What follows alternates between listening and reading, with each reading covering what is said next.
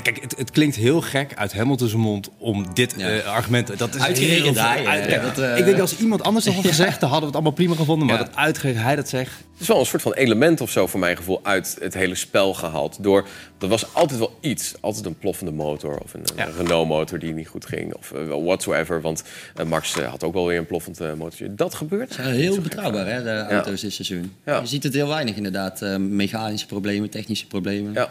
Ze hebben het allemaal wel eh, goed voor elkaar. Wat het interessant is, je hoort heel vaak, eh, bijvoorbeeld over de afgelopen paar races, het is saai. En hè, dat argument hoor je wel eens. Maar daar zijn de reglementen natuurlijk ook op gebouwd. Kijk, eh, jij zegt het net terecht, die motoren, het is, het is, nu heel betrouwbaar. Ja, dan heeft de uitwerking dat er niet zoveel mensen uitvallen. Ja. Weet je, dus ja, het reglement werkt dit in de hand. En, ja, ja, over, over reglementen gesproken en Hamilton, waar we het net uh, over hadden, die had op het uh, begin van het weekend ook een heel idee om de dominantie van Red Bull eh, in te perken. Ik weet niet eh, of jullie dat hebben meegekregen. Maar om een datum te verzinnen vanaf welk moment de teams pas aan de auto van volgend jaar mogen gaan werken. Wel, wat vonden jullie daarvan? Ik vond niet zo sterk. augustus uh, nee. Ja, wat, wat vinden jullie? Als je nou terugkijkt naar de dominantie van Mercedes, nou. toen hoorde je hem dat ook niet zeggen. Ja.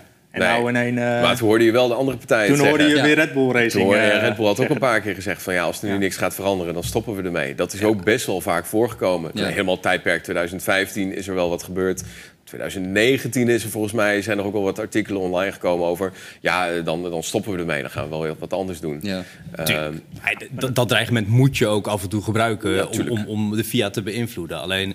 Ehm, eh, kijk, het, het, klinkt heel gek uit Hamilton's mond om dit ja. uh, argument... Dat is Uitgerekend hij. Uit, ja. dat, uh, ik denk als iemand anders dat had gezegd, dan hadden we het allemaal prima gevonden. Maar dat uitgerekend hij dat zegt... Ja, Max dat zei het ook wel mooi daarna. Van, ja, Precies wat wij nu zeggen. Uitgerekend hij moet het zeggen. Dat, dat kun je eigenlijk niet serieus nemen. Maar kan, dat überhaupt zoiets? Kun je zeggen 1 augustus, uh, vanaf dan mag je pas aan een nieuwe auto gaan Ja, ik denk niet dat je dat nu... Dan had je dat inderdaad in het tijdperk van Mercedes ook al... Had je toen al in moeten stellen.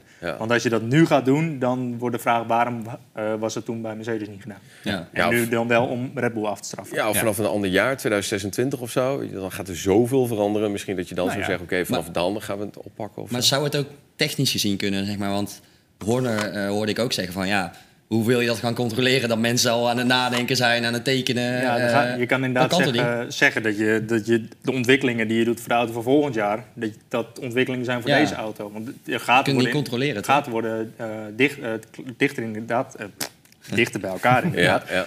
Uh, de Ferrari dichterbij komt. Maar waarschijnlijk omdat Red Bull ook gewoon de ontwikkeling van deze auto al heeft stopgezet. Ze zijn zo dominant, Ze zijn zo ver voor in allebei de kampioenschappen, uh, rijders en constructeurs. Ja. Waarom zou je deze auto nog uh, willen verbeteren? Dus inderdaad, volgens mij zijn ze al grote stappen aan het maken voor de auto van volgend jaar. Absoluut. Ook uh, Aston Martin, uh, compleet nieuw campus in uh, gebruik. De, de, fabrieken zijn gemoderniseerd.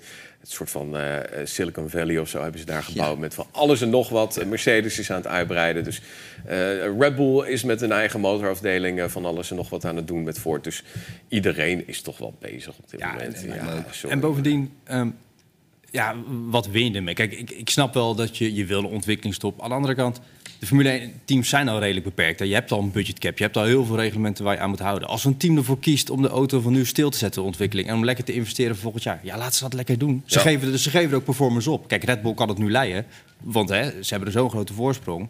Maar er zijn ook situaties waarin een team dat misschien niet kan hebben. Ja, ik vind de teams uh, hebben nog wel bepaalde vrijheid nodig. En ik vind dit geen goede ontwikkeling als ze dat zouden doen. Ja, maar het hoort ook gewoon bij de sport. De ontwikkeling van de auto, nou. dat hoort er gewoon bij. ja.